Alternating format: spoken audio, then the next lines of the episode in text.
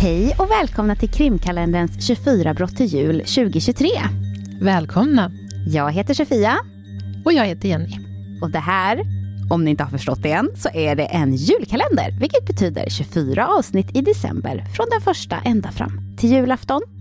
Vi har ett Instagramkonto som heter Krimkalendern som man med fördel kan följa, för där lägger vi upp bilder som har med alla fall att göra. Precis, och ni får gärna stötta oss genom att registrera er på vår Patreon-sida. Då får du ett bonusavsnitt per månad de månader vi inte gör ordinarie avsnitt. Och just nu finns det 30 avsnitt att lyssna på som ligger och väntar. Och det hjälper oss jättemycket om man blir månadsgivare. För att eh, det tar lite tid och lite kraft att, att göra de här avsnitten. Så tack alla patrons för att ni finns och att ni är så underbara. Stort tack! Men nu tänker jag att vi kör, för jag är jättetaggad på att höra vad Jenny har att berätta för oss i dagens lucka. Vad bra, och jag är faktiskt ovanligt taggad på att berätta den här historien. Så jag hoppas att du och ni där ute kommer att gilla den. Jag är helt övertygad, helt övertygad. Vi har ändå släppt nästan 150 avsnitt och alla dina avsnitt har varit fantastiska. Åh, tack. Dina också, Sofia. Åh, Jenny. Varje lucka är en glädje. Eller inte alltid, kanske inte alltid en glädje just, men ja. Jag, tror, jag hoppas och tror att alla som lyssnar på det här förstår precis vad du säger. Va? Tycker du om mord? Nej, nej, nej. Frederick Rober föddes den 23 maj 1941 i Potsdam i delstaten New York. Han var sina föräldrars äldsta barn, men fick i rask takt åtta yngre syskon. Hans mamma drev ett taxibolag och hans pappa arbetade som byggnadsarbetare. Fredrik fick tidigt smeknamnet Hank av sina kompisar och det fastnade och kom att bli hans tilltalsnamn. Fredrik älskade nämligen att dricka mjölk. Hans vänner sa att han kunde dricka en hel tank med mjölk. Nej! Så han blev kallad Hank the Tank. Och så småningom bara Hank. Eh, och det verkar liksom inte varit på något på ett mobbande sätt, utan som ett smeknamn liksom. Jag kopplade inte alls först när du började prata om mjölk. Jag bara, ja? Frågetecken. Hank the Tank. Så att jag kommer alltså fortsätta att kalla honom för Hank, för det är det som alla kallar honom för. Ja. Potsdam, som är staden som han föddes i och som han fortfarande bor i, är både en stad och en kommun som ligger i den nordöstra delen av delstaten New York, nästan på gränsen till Kanada. Staden är liten med 15 000 invånare och är numera känd för att vara en pittoresk stad med en gammaldags traditionell framtoning. Så har det dock inte alltid varit. Under efterkrigstiden förfulades många platser av stora reklamskyltar, blinkande lysrör och ljusslingor i grälla färger. Det var en kombination av teknik med uppfinningar som neonljus och blinkande lampor och det faktum att ekonomin efter andra världskriget fick en ekonomisk boom.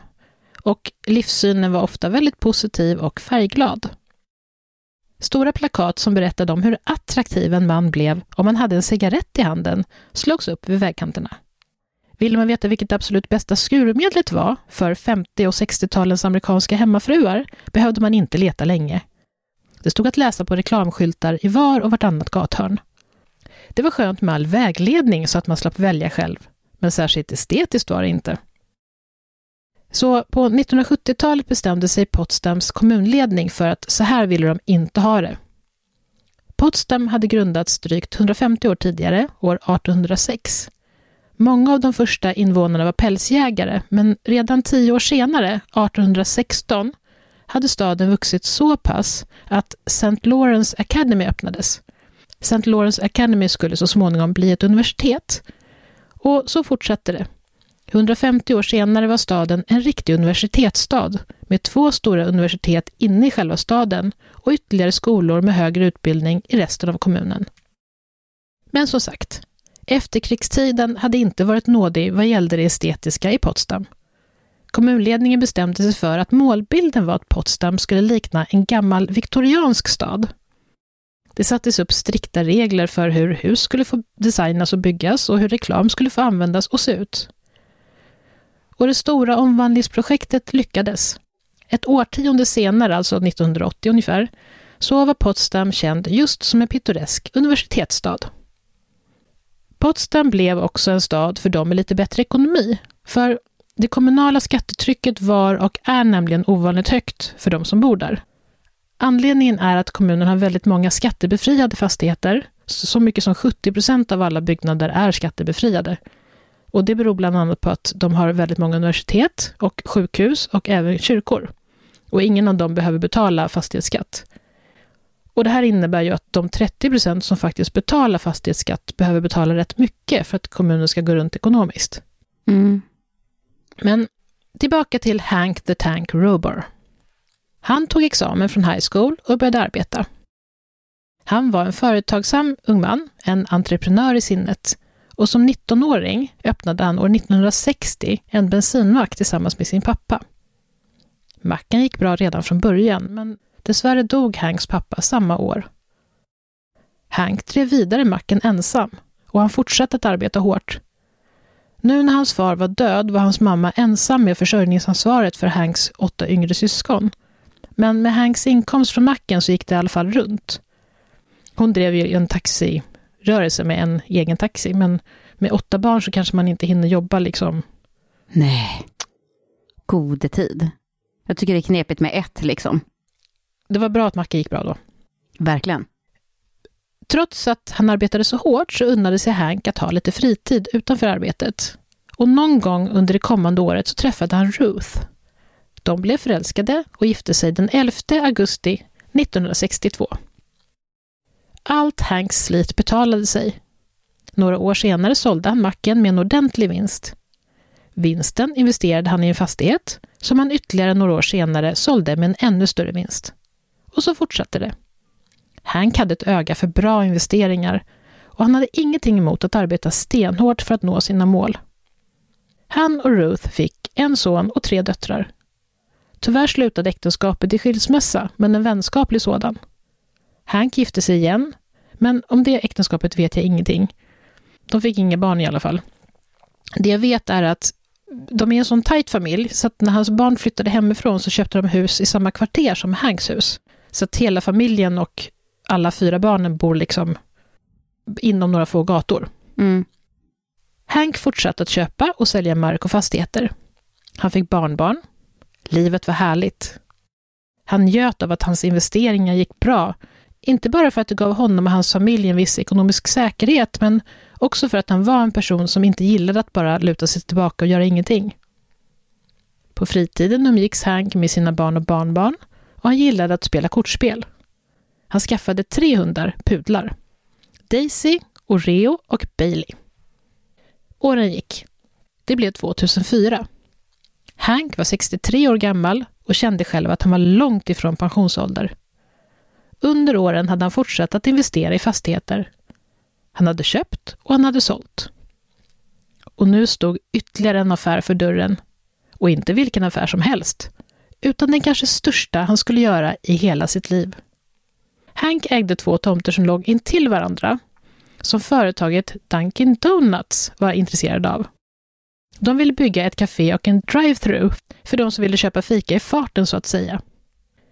Vad är då Dunkin Donuts? Det jag visste innan jag började min research var att det är en amerikansk kedja med typ fikaställen. Mer än så visste jag inte.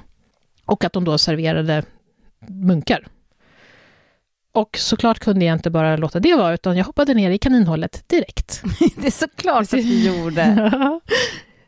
Dunkin Donuts, vars huvudprodukt från början naturligtvis var just donuts, eller munkar, grundades i Massachusetts år 1950 och blev snabbt populärt och växte i en rasande takt. Numera, sedan 2019, så heter de tydligen bara Dunkin. Mm De har -hmm. alltså tagit bort Donuts. Anledningen att de bytte namn är att de numera, efter ett ägarbyte, profilerar sig som ett dryckesföretag och inte ett bakelseställe typ. Mhm. I företagspresentation på hemsidan står det att de är beverage driven, alltså de försöker profilera sig mer som typ ett espresso house eller ett kaffeställe. Jag Att det förstår. är gott kaffe men att man kan få någonting till kaffet. Typ. Oavsett vilket. Dunkin Donuts serverar dryck, bakverk och smörgåsar i form av bagels. Det finns idag 12 900 restauranger i 42 länder. Den största marknaden utanför USA är Sydkorea, som står för Jaha. hela, ja, helt lite otippat, de står för hela 40 procent av omsättningen utanför USA. Alltså jag minns en kamrat till mig som delade på typ sociala medier när Dunkin Donuts öppnade, eller Dunkin som det tydligen bara heter, öppnade i Sverige. Ja, jag ska komma till det snart. Berätta. Ja, det finns en i Skärholmen tror jag. Not anymore. Nej. Ja, eh, jag ska vara tyst. Fortsätt. Det är klart att du har dykt ner i det svenska kaninhålet också. Berätta. Det, nej men det är konstigt, jag har aldrig hört talas om det här, men de har faktiskt funnits i Sverige, som du sa. De började etablera sig 2014, men fyra år senare, år 2018, så gick de i konkurs. Jaha. Och i pressreleasen som de släppte då, så skrev de att förutsättningarna för att driva företaget med vinst i Sverige fanns inte. Och då funderar jag på om det är liksom att deras produkter med amerikansk kaffe och munkar kanske inte riktigt är, jag vet inte. Alltså det är ju inte min kopp te. Jag är ju inte så stor i sötsaker liksom. Jag vill inte åka och köpa munkar.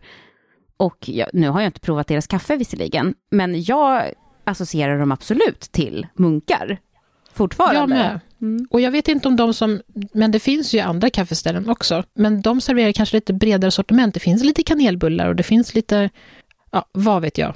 Vad vet Jag har inte varit där. Jag vet bara att de klarade sig inte i Sverige. De försökte fyra år och sen så gick de i konkurs. Jag minns att jag var i, eh, i Skärholmens centrum när eh, de fanns där och det var jättelång kö. Och det är klart, det, är det precis i början så blir det lite nyhetens behag och jag kan ju tänka mig att alltså, jag skulle väl också tycka att det var kul att säga, men, smaka en munk från Dunkin Donuts liksom. Men som sagt, det är ju liksom inte min kopp te. Så att jag hade nog, om det hade varit en kort kö och om jag hade känt att det var dags eh, att prova en så hade jag ju köpt en och sen så antagligen aldrig gått tillbaka. Nej, precis. Men tillbaka till Hank och hans två tomter. Året var 2004 och nu vill alltså Dunkin Donuts öppna ett café på Hanks tomter på Market Street nummer 83 och 84. Och Dunkin Donuts var villiga att betala bra. 650 000 dollar, vilket i dagens penningvärde motsvarar drygt 11 miljoner svenska kronor. Tomterna var inte bebyggda med hus, den enda byggnaden var ett tvåbilsgarage på den ena av tomterna. Men det fanns ett problem. Tomterna hade fel zonklass. De var klassificerade som B2-mark och B2-mark det är mark där man kan bygga och driva affärsrörelser som klädaffärer, frisörer och så vidare. Det man däremot inte får driva på B2-mark är restauranger och kaféer, det vill säga inrättningar där man kan äta och dricka. Jag förstår. Var, varför var den klassificerad så? Jag vet inte varför det var så från början, men det kan vara till exempel att det kanske ligger för nära ett villaområde med bostäder. Jag vet Mm, inte, jag de förstår. har ju sina olika skäl, men Ja, det är det jag tänker, att det finns säkert anledningar, men jag blev bara nyfiken på vad. Men vi behöver inte hoppa ner i det kaninhålet också. och jag vet inte vad som gällde just den här tomten, varför, de här två tomterna. Men det de behövde vara i alla fall, det var att de behövde vara klassade som B1 och inte B2. Förstår. Men det här var inga problem, tänkte Hank. För han kände flera som hade fått sin mark omklassificerad i liknande situationer. Och Hanks två tomter låg dessutom precis intill mark som var B1-klassad. Så det låg liksom nära rätt zon, eller vad man ska säga. Så Hank skickade in en ansökan om ändring av klassificeringen till kommunen och fick avslag. En av anledningarna kan ha varit en kvinna vid namn Helen Brower som satt i det beslutande rådet. Hon bodde granne med Hanks tomter och hon ville absolut inte ha en munkdoftande drive-through nära sitt hus. Mhm. Det här sa hon naturligtvis inte rakt ut. Hon förväntades ju fatta ett opartiskt beslut när hon röstade i frågan. Det hon sa istället var att att placera en Dunkin Donuts på Hanks tomter skulle citat open up for a lot of nasty things. Alltså att öppna upp ett Dunkin Donuts på den platsen skulle vara starten på en massa otäcka saker. Och jag blir lite nyfiken och undrar, liksom, vad menade hon? Typ att Ja. stökiga ungdomar skulle börja hänga där, eller gängkriminella, eller vad skulle kunna hända om det kom ett Dunkin Donuts? Ja, du vet man, du vet de där munkarna, de drar till sig folket liksom, som från fel sida järnvägen, så att säga. Ja. Men det sägs att det där var bara någonting som hon drog till med. Den egentliga orsaken var att hon inte gillade doften. Och hon bodde ju då, som sagt, precis intill. Och själv tycker jag att det låter helt ljuvligt, men jag vet inte riktigt hur doften av... hur det doftar. Nej. Jag är uppvuxen i Tyresö, där Annas pepparkakor ligger. Och Åh, mina minnen från min uppväxt, de dagarna då de bakade på Annas, är helt ljuvliga, för då spred sig en helt fantastisk doft över en stor del av kommunen och min gymnasieskola låg jättenära. Det var magiskt härligt. Alltså vet du, jag har en kamrat som har jobbat på typ, nu minns jag inte vad det var, om det var, ja men något café, sådana som finns ofta i typ tunnelbaneuppgångar. Mm. Och när de började jobba på morgonen så har de ju så här halvfärdiga kanelbullar som de liksom lagar färdigt i ugn, så att de är ju liksom nybakade på, på, på så sätt. Liksom.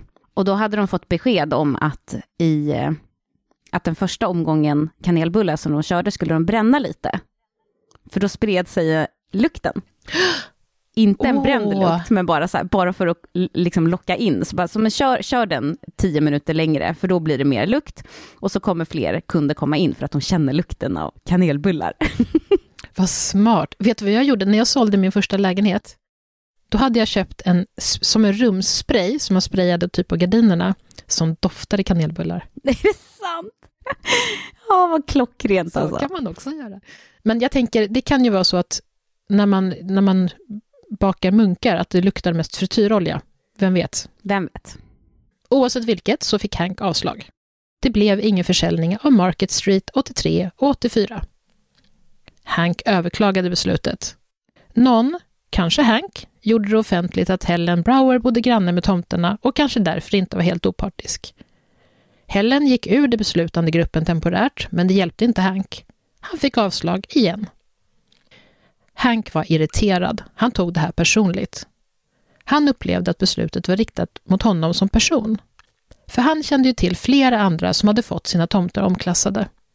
Bland annat hade det hänt när Taco Bell ville etablera sig i staden några år tidigare. Då hade minsann en tomt fått ändrad zon från B2 till B1. Skillnaden var att ägaren till tomten den gången hade känt folk på kommunen, haft en fru eller svärfar som arbetade där. Men Hank kände ingen som kunde idka svågerpolitik åt honom. Dessutom hade han aldrig varit mycket för att vara medlem i olika grupper, som till exempel Rotary eller andra grupperingar där han kunde frottera sig med kommunens höjdare. Golf spelade han inte heller. Sånt där var inte hans grej. Hank var verkligen inte osocial, men han hade liksom inget intresse av att mingla bara för att knyta kontakter. Och nu kände han att det straffade sig. Tiden gick. Hank tog hand om sina tomter, sålde någon ibland, umgicks med sin familj och sina hundar. Ett år senare hittade Dunkin Donuts en annan tomt ett kvarter från Hanks tomt. Tomten de köpte hade en så kallad trailer park på sig med 20 familjer boende som blev vräkta för att kunna göra plats för kaféet. Mm. Så det tyckte alltså kommunen var en jättebra idé istället då för de här två helt tomma tomterna. Man undrar ju varför de avslog beslut, eller så att de inte godkände det även när den här kvinnan klev ut ur den bestämmande gruppen. När man läser källorna så låter det lite som att, jag vet ju inte riktigt hur Hank var som person. Han verkar vara väldigt härlig när man pratar om hur han var familjekär och, och så. Men han verkar inte varit så omtyckt av kommunen. Jag vet inte om hans liksom, attityd kanske var lite för pushig för dem, eller ja, ingen aning. För jag funderar ju på om, om det var lite svågerpolitik där också, att de höll den här kvinnan om ryggen trots att hon liksom inte var med i omröstningen. Så kan det absolut vara. Men det förtäljer helt enkelt inte historien. Det förtäljer inte historien. Men det här avslaget Hank hade fått av kommunen, det gnagde fortfarande i honom. För det handlade inte bara om pengarna. 11 miljoner hade varit trevligt att kunna ge till sina barn, men han hade så att han klarade sig med god marginal. Nej, det var mer det här att det kändes så personligt. Så när en stor närbutik och apotek, Kinney's Drugs, visade intresse av att köpa tomterna på Market Street 83 och 84 så tog Hank inte ut någon glädje i förskott. En butik av det här slaget var lite gråzonen mellan B1 och B2. Det var liksom ingen restaurang, men de hanterade saker man kunde äta. Alltså förpackat godis, godispåsar och sånt. Hank ringde kommunen för att få ett förhandsbesked om det var okej med den typen av butik på hans mark eller om han behövde skicka in en ny ansökan om att byta zon. Svaret han fick var att det är ingen idé. Nej, vi kommer med största sannolikhet inte godkänna en sån butik på en B2-tomt. Men vi kommer heller inte godkänna att dina tomter görs om till B1. Du lägger bara ner tid och pengar i onödan om du ansöker om det här. Nu kände Hank att han hade fått bekräftat att det var honom kommunstyrelsen hade någonting emot. Inte hans tomter. Kinney Drugs köpte en annan tomt istället. mitt emot Hanks två tomter. Det är ju skumt också när det är liksom en tomt precis bredvid är okej, men inte den som är några meter bort liksom, eller vad vet jag. Precis, och även den som Dunkin Donuts köpte låg bara något kvarter bort också, så att det handlar inte om några avstånd liksom. Man kan nästan förstå att han känner att det är personligt mot honom. Ja, det var faktiskt så illa så att han kände att nu hade han fått nog. Ville kommunen bråka med honom så tänkte han bråka tillbaka. Men hur? Det gällde att sparka kommunledningen där det kändes mest, så att säga. En av de viktigaste sakerna för Potsdam var ju att staden var pittoresk, ja rent av vacker enligt många. Den ordningen kanske Hank skulle kunna störa lite. Han började med att plantera massor av solrosor på de två tomterna och satte upp mängder med jättefula otäcka fågelskrämmor. Han satte upp tvättlinor på vilka han av oklar anledning hängde massor av bhar. Till media sa Hank att kommunen kunde fått en väldoftande Dunkin Donuts drive-through på den här platsen. Istället fick de en tomt som luktade fågelskit. Men när det hade gått ett tag så insåg Hank att han inte var nöjd. Det här var inte illa nog. Det var inte alls i paritet med vad kommunen hade gjort mot honom. Solrosor är ju trots allt rätt fina, även om de är vaktade av skrämmande fågelskrämsgubbar med huvuden skapade av målade basketbollar. Så vad skulle han göra istället, funderade Hank. Vad ville kommunen verkligen inte se på hans tomter? När snilleblixten väl kom till Hank var det självklart vad han skulle göra. Har du någon gissning? Nej, jag hade typ ingen aning alls. Jag började tänka så här att han skulle sätta upp typ en affisch eller en poster där det står så här, här kunde det ha varit Dunkin Donut, men istället, nej jag vet inte, bara för att liksom göra det tydligt för folk, men nej. Nej, han tänkte så här. Toaletter. Toaletter vill ingen se i onödan. Så han åkte runt till olika tippar och återvinningsstationer och hämtade gamla toalettstolar. Och en del badkar och även pissoarer. Han rengjorde dem grundligt så porslinet blänkte och ställde upp dem på sina tomter. När han så att säga dekorerat Market Street 83-84 så slog det honom att han behövde ju inte sluta där. Han ägde ju fem tomter till runt om i staden. Hank tog en ny tur till tippen och kom tillbaka med ännu fler toalettstolar. Men Hank var väldigt förtjust i blommor och solrosor och han ville inte helt ge upp den idén. Så han använde toalettstolarna och badkaren som planteringskärl. och för att slippa ta hand om att rensa ogräs och vattna så skaffade han plastblommor. Han grävde ner toaletten en bit för stabilitet, fyllde dem halvvägs upp med sand och sen planterade han. Blommorna gjorde, tänkte han, att ingen skulle kunna klaga över nedskräpning eller liknande. För toaletterna var ju inte toaletter längre. Han hade gjort om dem till planteringskrukor. Och ingen kunde ju förbjuda någon att ha blomkrukor med växter på sin tomt. Nej. Hank bestämde sig för att måla om det dubbelgarage som stod på en av Market Street-tomterna. Han målade de olika sidorna randiga i olika piffiga färger och ritade ett rött glatt ansikte på en av sidorna. Nu väckte Hanks tomt verkligen uppmärksamhet och kommunledningen var arga som sjutton. Jag tänkte visa dig en bild av det här, Sofia. Ja, tack. Och här är en bild på en del av en av tomterna. Ja. Och där ser man eh, byggnaden i bakgrunden, ja. Inte så viktoriansk, helt enkelt. Nej, väldigt randig. väldigt randig. I så fem olika färger. Ja, men det är ändå prydligt, eller hur? Det är ju inte liksom... Ja!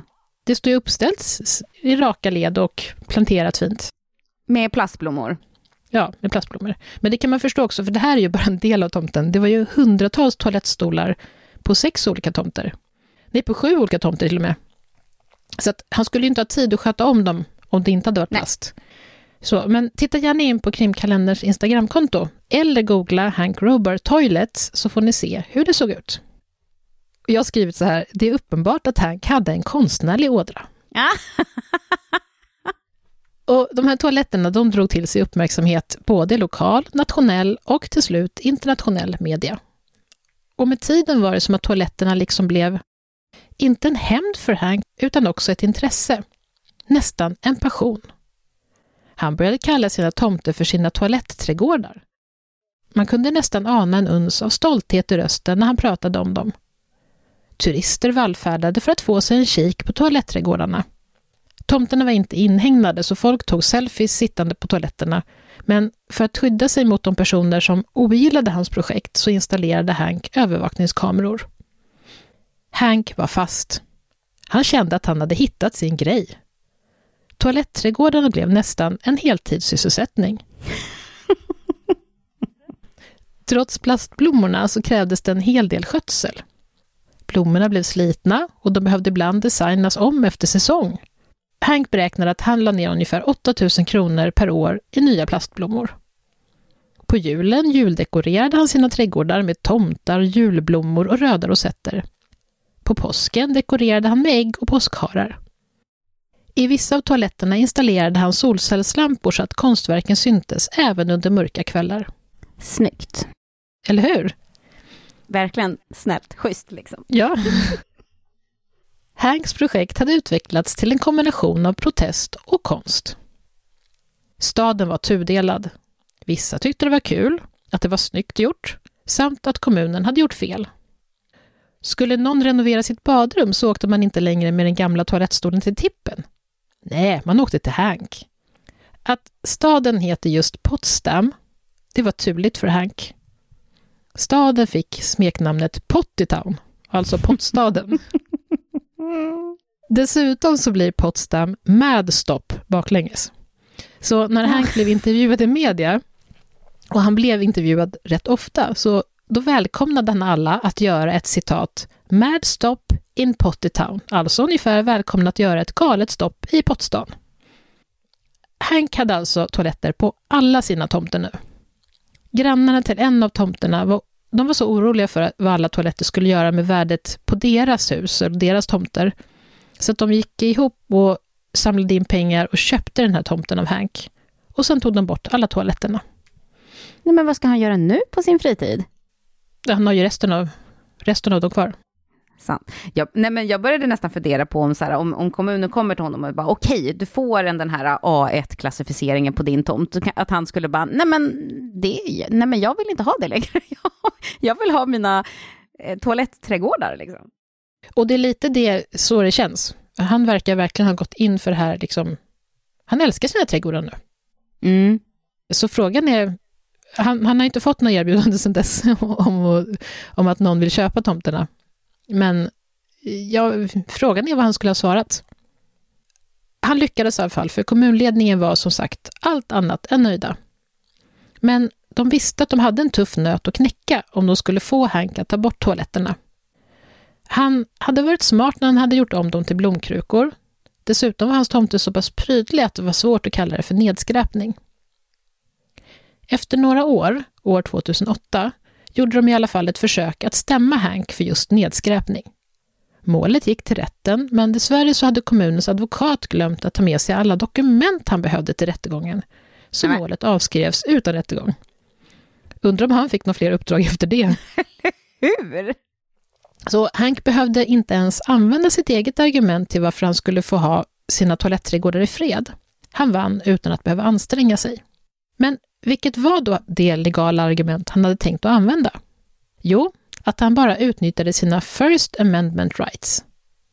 Vad är då den första konstitutionella rättigheten i USA? Dags för nytt kaninhål. I USA finns 27 stycken konstitutionella rättigheter och de tio första ingår i det som heter Bill of Rights, alltså rättighetsförklaringen. Den femte rättigheten är en som vi som är intresserade av true crime känner till väl. Det är en av de rättigheter som gäller juridik och rätt, det som bland annat ingår i Miranda-rättigheterna. Alltså, du har rättigheten att vara tyst, allt du säger kan och kommer att användas mot dig i en domstol. Ja. Det är nummer fem. Rättighet nummer två är även den en vi känner till, den omdiskuterade rätten att bära vapen. Och nummer ett då, som Hank hade tänkt använda i sitt försvar mot kommunen, är Freedom of Religion, Speech, Press, Assembly and Petition. Det vill säga religionsfrihet, yttrandefrihet, åsiktsfrihet, pressfrihet, samlingsfrihet och rätten att påpeka missförhållanden. Hank menade helt enkelt på att han hade rätten att uttrycka sig på det här sättet, med toaletter. Det var en protest, det vill säga yttrandefrihet, och det var konst. yttrandefrihet och åsiktsfrihet. Jag är redo att hålla med. Ja, kommunen hade den här gången fallit på eget grepp genom att inte ha med sig rätt dokument. Men skam den som ger sig, tänkte kommunen. Hade inte den där klantiga tjänstemannen glömt att ta med sig alla dokument så hade de vunnit, det var de säkra på. Så två år senare, år 2010, försökte de igen. Hank gick till rätten laddad med frasen ”Jag hävdar bara mina First Amendment rights”. Men inte heller den här gången fick han chansen att argumentera för sin sak. Den här gången så var det inte kommunens företrädare som klantade sig. Det var domaren själv. För rättegången hade bara börjat när domaren själv åkte fast. Han hade sniffat kokain, hoppsan. Nej. Domaren sa snabbt upp sig från jobbet och drog sig tillbaka. Det innebar att rättegången mot Hank stod utan domare och att allt var tvungen att tas om. Kommunledningen kände att de inte hade mer ork. De beslutade sig för att dra tillbaka anklagelserna om nedskräpning och ligga lågt ett tag. Åren gick. Hanks tomter blev ännu mer ryktbara och turister vallfärdade för att se toaletterna och planteringarna. Nu skulle Dunkin Donuts verkligen vilja ha en restaurang precis intill. Eller hur? Det har jag inte tänkt på. Vilket, vilket dragplåster. Ja, eller hur? Kom och titta på toalettkrukorna och eh, ät en donut. Precis. Hmm. Bandet Animal Crackers skrev låten Hank Rubber Blues. Han blev liksom så, så att till och med skrev låtar om honom. Mm. Och en av Hanks grannar, som var en av de som var positivt inställda, skrev en pjäs om debaclet. Men Snart kommer en musikal liksom. Ja, och gissa vad pjäsen heter? Nej. Den heter Hanks Tanks. Ja, det är klart. Den handlar inte bara om honom, utan handlar om den större frågan, vad är konst och vad är inte konst? Men bakom de frodiga toalettkulisserna hade kommunen nu återhämtat sig från nederlaget. De hade yogat, mediterat och kanske druckit mängder med energidryck. Kanske massa kaffe från Dunkin. Nej, jag skojar. Kanske. Denna kraftansamling ledde till instiftandet av en ny lokal lag. Den så kallade Junk Storage Law som röstades igenom i kommunen den 3 december 2018. Nu har det alltså gått 14 år sedan han satt upp sina toaletter. Lagen förbjuder folk att ha skräp av olika slag synligt från motorväg, väg eller från grannar. Om det inte, om det inte var personligt innan så är det ju det nu. Ja. Helt klart. Det här är liksom lite tvärtom. Istället för att det finns en lag och man gör någonting olagligt och man åker fast, så skapar de en lag för att göra det han gör olagligt. Precis. Vi kan kalla det en Hank the Tank law liksom. Och som skräp räknas enligt den här lagen trasiga möbler, trasiga apparater, trasiga bilar och övriga trasiga eller skräpiga saker. Och under rubriken, alltså i lagen, under rubriken övriga saker tas föga förvånande ett specifikt exempel upp. Badrumsinredning, toaletter, bidéer, badkar, duschar, badrumsskåp, badrumsspeglar. Det räknas som skräp om det står utomhus synligt för andra än de som bor på fastigheten. Så det är alltså tydligt att det här exemplet togs med i lagen för att ta bort möjligheterna till tolkning. Ja. Om det hade varit lite mer luddigt så hade man ju kunnat tolka det, men här står det exakt vad som inte är tillåtet. Men där kan jag också tycka att återigen, att konst kan ju skapas av väldigt många olika material. Mm. Så att, ja, jag vet inte jag. Jag tycker att eh, det fortfarande skulle kunna... Du är inne på samma linje som Hank. Ja, så pass. I början av 2020 var Potsdams kommun redo att använda lagen för första gången.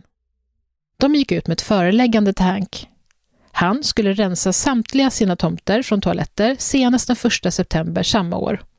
Om inte Hank rensade sina tomter skulle kommunen göra det åt dem, med stöd av den nya lagen. Det här tänkte Hank inte ta. De fick dra honom till rätten igen om de ville försöka få honom att skövla sina toaletträdgårdar. Han pratade med sin advokat Mark Snyder som tyckte att Hank kanske skulle ta det ännu ett steg längre. Varför sitta och vänta på att kommunen agerade? Kanske var det dags för Hank att själv gå till attack. Kanske var det dags för Hank att stämma kommunen. De hade ju trakasserat honom i alla år. Han hade lidit skada. Mark Snyder hjälpte Hank att komma i kontakt med en annan advokat, John Crane. John specialiserade sig på den här typen av stämningar mellan kommun och privatperson.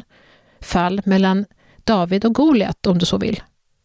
John tackade ja direkt. Han kände att det här hade de en stor chans att vinna. John och Hank lämnade den 1 augusti in en stämningsansökan där de krävde kommunen på 7 miljoner dollar som kompensation för att kommunen försökte kränka Hanks rättigheter enligt the First Amendment. Oj, det var saftigt också. Ja, dels rättigheterna till eh, free speech och dels rättigheten att ha konst på sina tomter. Båda argumenten, eller rättigheterna, var starka nog i sig, menade John på, men tillsammans skulle de bli oslagbara. Det fanns nämligen en relativt ny lag som hette Visual Artists Rights Act som innebär att konst som har blivit känd inte får förstöras hur som helst. Mm. Kort innan Hank stämde Potsdams kommun så hade ett rättsfall när ett hus med graffiti på rivits. Och graffitin var så välgjord att den hade blivit omskriven i tidningar och folk kom och tittade på den. Den som hade gjort graffitin ägde inte huset men hade fått tillåtelse att dekorera huset med graffiti. Men ägaren rev huset för att bygga hyreshus istället och gjorde det utan att fråga graffitikonstnären. Mhm. Och då kan man ju tycka att personen som ägde huset hade rätt att göra vad han själv ville med det. Men han förlorade faktiskt rätten. Är det Han, sant? bo- ja, han fick ge ersättning för att han borde ha gett graffitikonstnären möjlighet att på något sätt ta bort konstverket eller dokumentera det eller på annat sätt spara sin konst. Mm. Och Hanks toalettkonst hade ju också blivit vida känd. Den borde vara skyddad av den nya lagen också, utöver då the first amendment, så de hade som två olika lagstöd, menade de på. Jag ska läsa upp en del av inledningen av stämningsansökan som jag har översatt. Här har advokaterna tillsammans med Hank dessutom gjort det smarta draget att inte längre kalla tomterna för toaletträdgårdar. För genom hela stämningsansökan så benämns nämligen de här trädgårdarna, som det lite mer vackert klingande, porslinsträdgårdar. Ja. Från stämningsansökan alltså. Den målsägande Hank Rober inrättade till en början dessa installationer år 2004 som en filosofisk protest för att Potsdams kommun hindrat honom att sälja två av sina tomter till Dunkin Donuts. Kommunen hindrade honom från att göra vad han ville med sina privata tomter. Sedan dess har syftet med porslinsträdgårdarna övergått från att vara en protest till att vara konstnärlig. Efter att målsägandes första porslinsträdgårdar fick ett positivt bemötande av många av invånarna så blev målsäganden förälskad i det artistiska och expressiva värdet i toaletterna. Från att vara en protest hade de blivit roliga och funky porslinsplanteringskärl. Visst är det lite poetiskt ändå? Jag tycker det är väldigt välformulerat. Ja, visst. När Hanks stämningsansökan kom in till rätten instruerade distriktsdomare Lawrence Kahn kommunen att omedelbart pausa eventuella förberedelser vad gällde att rensa Hanks tomter på toaletter. Det var en månad kvar till det datum kommunen hade krävt att Hanks skulle göra sig av med sina toaletter. Men nu var det lagt på is medan rätten processade Hanks stämning. Kommunen blev oroliga. Tänk om de trots allt skulle förlora. De ville inte betala 7 miljoner dollar till Hank. De tittade på hans argument och kände att de var rätt starka. Kanske var deras nya lag om nedskräpning ganska tandlös i det här fallet. Några månader senare röstade kommunen för att riva hela den nya lagen om nedskräpning. Det var ju Mm. jätte... Ja, inte bara att de la ner liksom mot honom då, utan riva, ta bort lagen.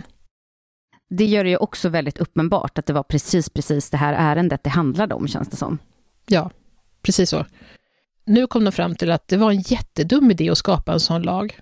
De ångrade sig. De ville inte ta Hanks fina trädgårdar ifrån honom. Hur hade de tänkt? Ja, de vill, och dessutom vill de absolut inte kalla det för nedskräpning. Nej, nej, så konstnärligt. Nej, nej, nej. Så lagen revs och även kravet på att Hank skulle ta bort sina toaletter. Men det hjälpte inte. Lagen var nu historia, men det var inte Hanks stämningsansökan. Han tänkte inte dra tillbaka den bara för att kommunen blivit skraja. Ah, de kanske tänkte att det skulle få honom att dra tillbaka stämningsansökan. Precis, men icke så icke. Hank ville två saker. Dels var det stämningen på 7 miljoner dollar som kompensation för vad kommunen hade gjort mot honom med alla stämningar och påtryckningar.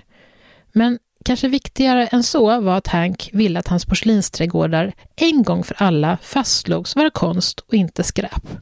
Det vill säga, han ville att det skulle liksom bli Han ville få ett erkännande liksom. Ja, Och, så, och som dessutom skulle liksom gälla över tid, då skulle du inte kunna hitta på nya lagar eller... Nej.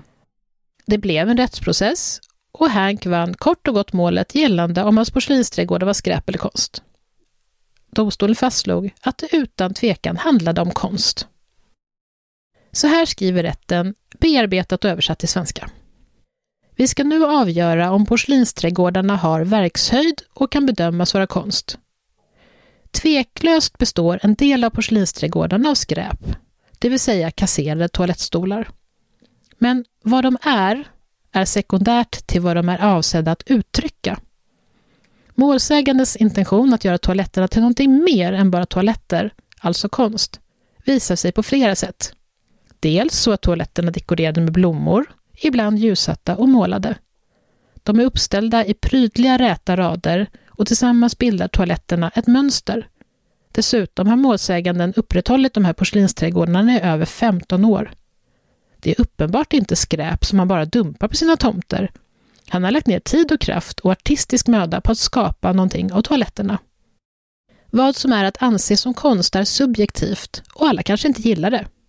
Men att det här inte handlar om skräp, det är tydligt. Vad gäller beloppet gick det, som i så många andra stämningar, Hank och kommunen gjorde upp i godo. De betalade Hank ett hemligt belopp. I en intervju efteråt fick Hank frågan om hur mycket pengar han hade fått. Han svarade att i avtalet så ingick det att han inte fick avslöja beloppet, men att han var citat mycket nöjd. Bra. Ja, eller hur? Ja, man håller ju på honom. Ja, verkligen. Så Hank hade alltså vunnit till slut. 15 års kamp var över. Hans toaletter skulle få stå kvar där de stod. Han bestämde sig för att fira segern tillsammans med sina två advokater Mark Snyder och John Crane. Gissa vart de gick för att fira? Dunkin Donuts. Jajamensan, det gjorde de. och det var den ganska upplyftande berättelsen om Hank Robber och hans porslinsträdgårdar. Verkligen! Jag känner att jag har bara suttit och smålat genom hela avsnittet. Ja, man blir lite, jag blir glad av det här. Ja.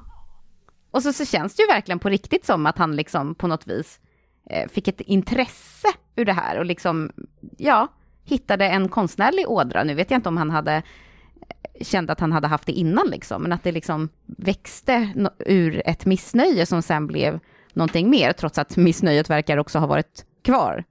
Ja, precis. Du, vilket bra fall. Alltså, du har så bra fall, den här kalendern. Det är helt otroligt, Jenny. Det här är lite speciellt för att han, det han gjorde var ju inte brottsligt. Det var ju de som försökte göra det till någonting brottsligt, så det är, det är lite gränslandet liksom.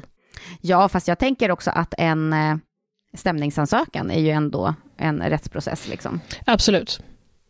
Ja, en bra balans till alla hemskheter. Ja, faktiskt. Tack snälla!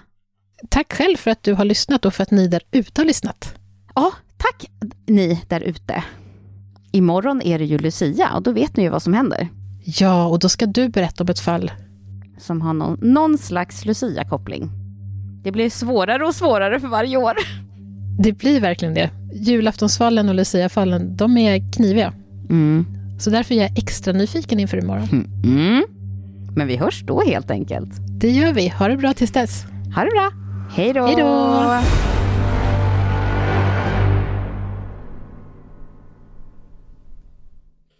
Ja! Så, nu har jag harklat av mig för några minuter i alla fall.